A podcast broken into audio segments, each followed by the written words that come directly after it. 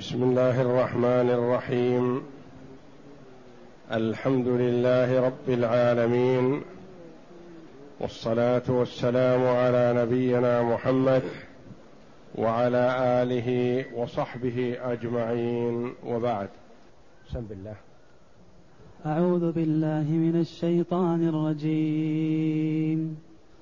ويل لكل أفاك أثيم. يسمع آيات الله تتلى عليه ثم يصر مستكبرا كأن لم يسمعها. فبشره بعذاب أليم.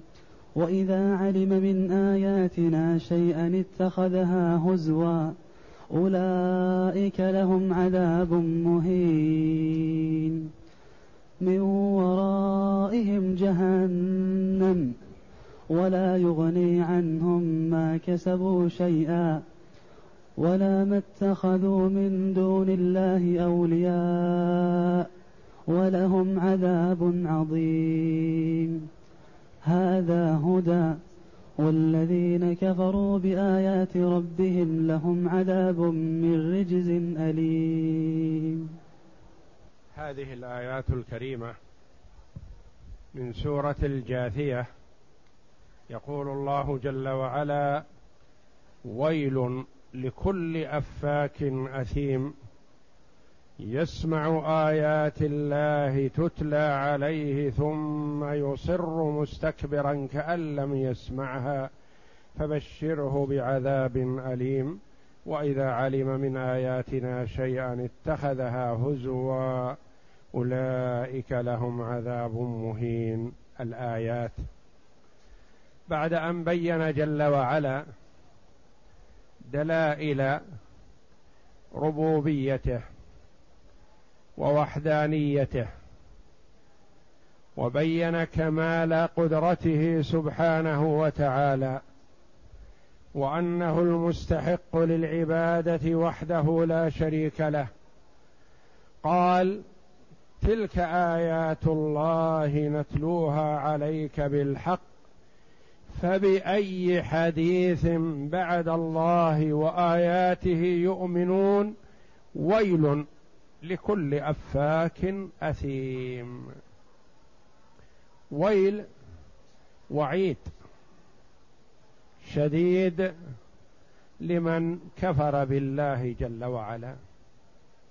أو ويل واد في جهنم لو سيرت فيه جبال الدنيا لذابت من شدة حره. أو ويل في واد في جهنم يقذف فيه الفاجر فيمكث سبعين خريفا لا يصل إلى قعره. توعد الله جل وعلا من كل أفاك أثيم.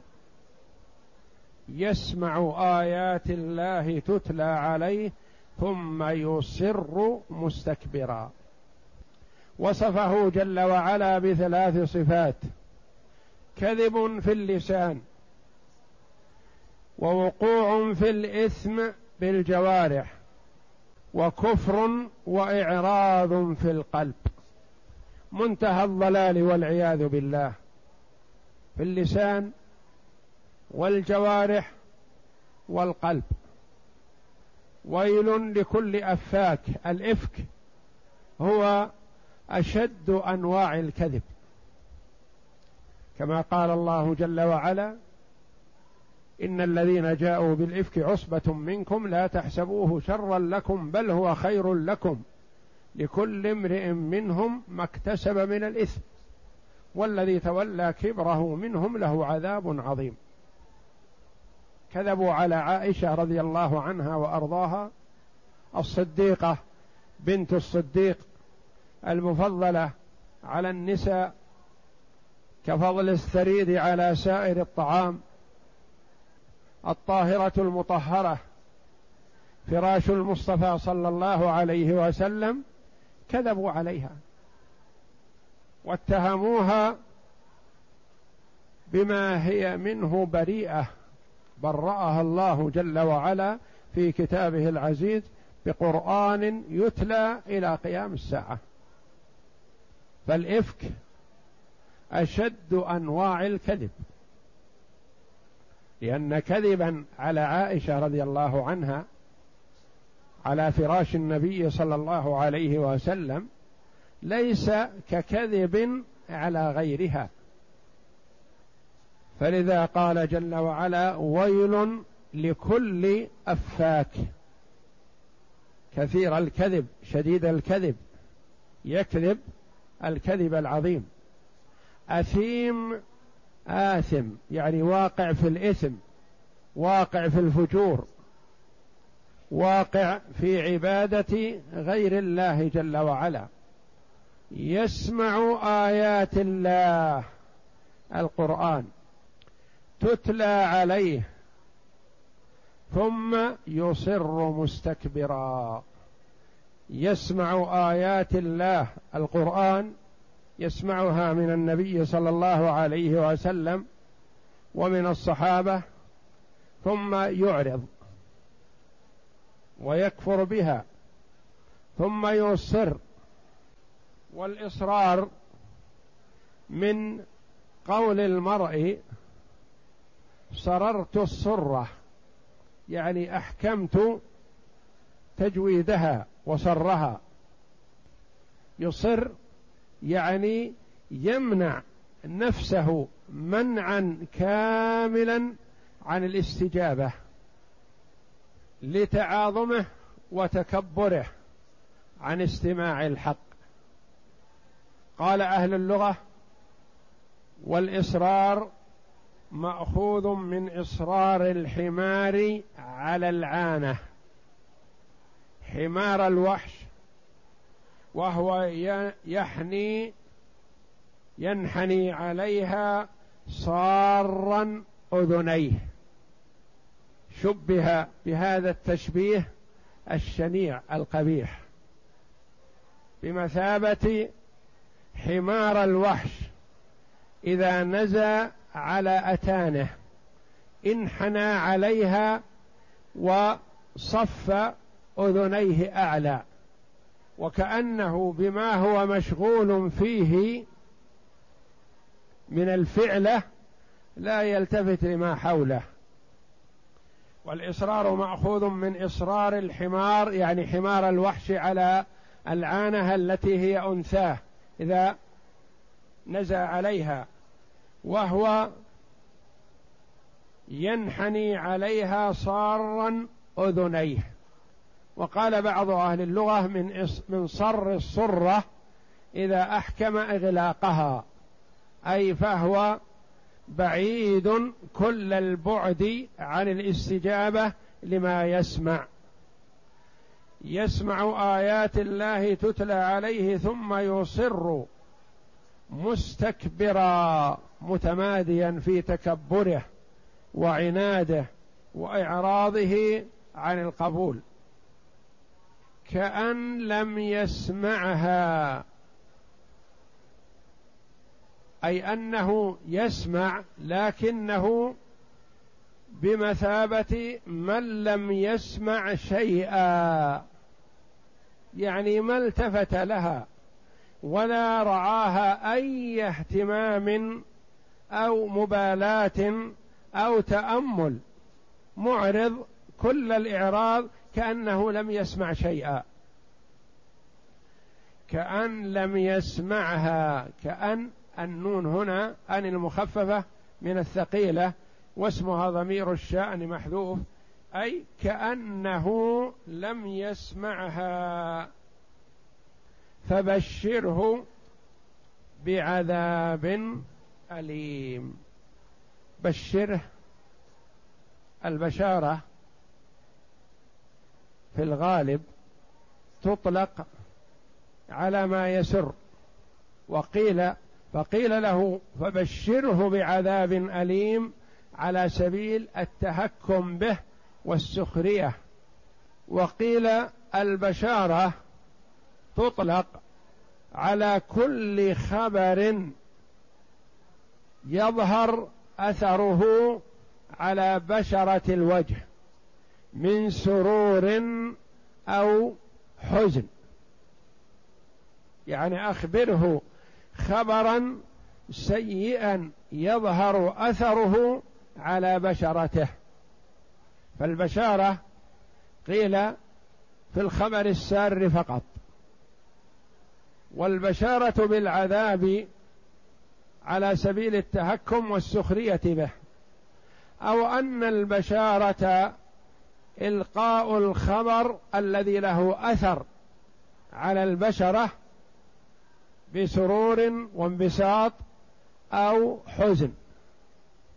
فبشره بعذاب أليم أي مؤلم ينتظره في الدار الآخرة. قيل هذه الآية نزلت في النضر ابن الحارث. وكان يشتري من أحاديث العجم وقصصهم يشغل الناس بها ويقول هذا مثل الذي يأتي به محمد. وإذا علم من آياتنا شيئا علم فيها قراءتان. علم أو علم. بناء للمعلوم والبناء للمجهول. البناء للمج... للمعلوم علم. البناء للمجهول علم. وإذا علم من آياتنا شيئا يعني عرف أو سمعها بأذنيه من المؤمنين أو سمعها من النبي صلى الله عليه وسلم بدأ يستهزئ بها. ما يكفي أن يعرض عنها ولا يقبلها بل يستهزئ بها. كما قال أبو جهل تعالوا تزقموا. هذا الزقوم الذي يعدكم محمد في النار. التمر والزبد. تعالوا تزقموا. وكقوله إن محمد يذكر أن خزنة النار تسعة عشر كما قال الله جل وعلا عليها قال ألا تكفوني اثنين وأكفيكم البقية؟ قالوا بلى. إذا كفيتنا اثنين كفيناك الباقي. يقول لكفار قريش فيتهكم بهذا ويسخر منه. والملائكة وخزنة النار كما وصفهم الله جل وعلا غلاظ شداد لا يعصون الله ما أمرهم ويفعلون ما يؤمرون. حبب إليهم تعذيب الكفار من بني آدم كما حبب إلى بني آدم الأكل والشرب. وملائكة الله جل وعلا أقوياء اشداء ما تقاس بهم قوة المخلوق مه الآدمي مهما أعطي من قوة. فقد رفع جبريل عليه السلام قرى قوم لوط وهي سبع بطرف جناحه ورفعها إلى السماء حتى سمع الملائكة في السماء صياح ديكتهم ونباح كلابهم ثم قلبها فقوة الملائكة لا تقاس بغيرها. وإذا علم من آياتنا شيئا اتخذها هزوا يعني يستهزئ بها ويسخر. ويقول عن القرآن هذا سحر وهذا شعر وهذا كهانه وهذا أقاصيص الأولين وحكاياتهم. أولئك لهم عذاب مهين. أولئك أي كل أفاك متصف بهذه الصفات متوعدون بالعذاب الأليم. لهم عذاب مهين. والعذاب قد يكون شاق لكنه شريف. فيه نوع من العزة. فليس العذاب كذلك بل وصفه الله جل وعلا بأنه مهين. يعني يسقون عصارة أهل النار. ويسقون القيح والصديد ويسقون الماء الخارج من فروج المومسات الزانيات والعياذ بالله. فهو عذاب مؤلم ومع ذلك فيه مهانة وحقارة وذلة وخسة لأنهم تكبروا وتعاظموا عن الاستجابة لدعوة الله جل وعلا فعاملهم الله جل وعلا بما يستحقونه من الإهانة والاحتقار. كما ورد في الحديث أن المتكبرين في الدنيا يحشرون يوم القيامة أمثال الذر يطأهم الناس بأقدامهم. مقابل ما تكبروا احتقرهم الله جل وعلا وجعل الناس يمشون عليهم والعياذ بالله. كما أن العمل الصالح تقربا إلى الله جل وعلا يرفع الله جل وعلا بها به عبده. فمن تواضع لله رفعه. المتواضع طاعة لله ولعباد الله المؤمنين يتواضع لهم ويتذلل لهم يكافئه الله جل وعلا بأن الله يرفع شأنه ويعلي مكانه. من تواضع لله رفعه. والله جل وعلا وصف المؤمنين بأنهم أذلة على المؤمنين يعني متواضعين. أعزة على الكافرين يعني عندهم العزة والقوة والغلظة في حق بجانب الكفار. أولئك لهم عذاب مهين حقير خسيس. اقرأ. يقول تعالى ويل لكل أفاك أثيم. أي أفاك في قوله كذاب حلاف مهين. في فعله وقوله كافر بآيات في فعله وقوله يعني فعله أثيم وقوله أفاك يعني كذاب. وقلبه يسمع آيات الله تتلى عليه ثم يصر يعرض. نعم. كافر بآيات الله. ولهذا قال يسمع آيات الله تتلى عليه أي تقرأ عليه ثم يصير أي على كفره وجحوده استكبارا وعنادا. كأن لم يسمعها أي كأنه ما سمعها فبشره بعذاب أليم فأخبره أن له عند الله يوم القيامة عذابا أليما موجعا.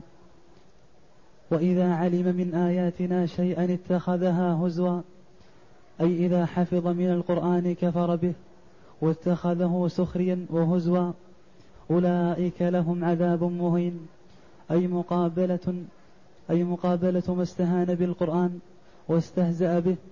ولهذا روى مسلم في صحيحه عن ابن عمر قال نهى رسول الله صلى الله عليه وسلم أن يسافر بالقرآن إلى أرض العدو مخافة أن يناله العدو. يعني لا يجوز السفر بالقرآن إلى بلاد الكفار إذا خشي المرء من تسلطهم عليه. لأنهم قد يتسلطون عليه فيهينونه ويحتقرونه. ثم فس... من ورائهم جهنم ولا يغني عنهم ما كسبوا شيئا ولا ما اتخذوا من دون الله أولياء. من ورائهم كلمة وراء تستعمل بمعنى الأمام والخلف. تقول مثلا أنا وراك. يعني طريقك علي. فأنت تمر علي. وهنا يقول الله جل وعلا من ورائهم أي أمامهم. العذاب في الدار الآخرة. فقال أهل اللغة كلمة وراء من الكلمات التي تستعمل في الضدين. في الأمام والخلف. قالوا كالجون يستعمل في الأبيض والأسود. يقال هذا جون يعني أبيض وهذا جون أي أسود. وكقول الشاعر العربي أليس ورائي إن تراخت منيتي أدبك مع الولدان أزحف كالنسر. أليس ورائي يعني أمامي؟ يعني يقول إن تراخت منيتي إن طال عمري ما هو النتيجة؟ ما هو المآل؟ أصير أدب دبيبا وأزحف زحفا.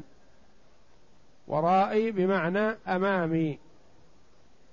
وقيل المراد أنها تأتيهم النار من الخلف ويقذفون فيها من خلفهم. احتقارا لهم ومهانة. ثم فسر العذاب الحاصل له يوم معاده فقال من ورائهم جهنم أي كلما اتصف بذلك أولا أولادهم. أي أي وكما في قوله تعالى من ورائه جهنم ويسقى من ماء صديد. ووردت في القرآن أكثر من مرة وراء بمعنى أمام. ينتظره. وقيل الوراء اسم للجهة التي يواريها الشخص من خلف أو قدام. يعني التي لا يراها الشخص. وراء قدامه متوارية عنه أو خلفه متوارية عنه. ولا يغني عنهم ما كسبوا.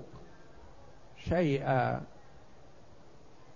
ما ينفع ما اكتسبوه في الدنيا من مال وولد وجاه. كل هذا لا يفيدهم في الدار الآخرة. فالله جل وعلا يعطي الدنيا من يحب ومن لا يحب.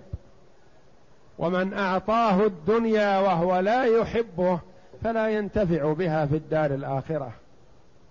أيحسبون أن ما نمدهم من مال وبنين نسارع لهم في الخيرات؟ بل لا يشعرون. ابتلاء وامتحان يبتلى المرء بالمال والولد فيبتلى به المرء فينجح في هذا الامتحان أو يخفق.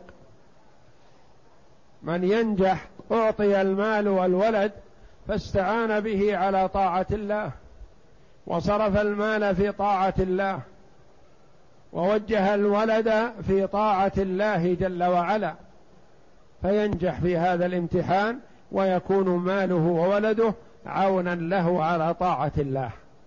ومن الناس والعياذ بالله من يعطى المال والولد فيستعين بماله على معصية الله.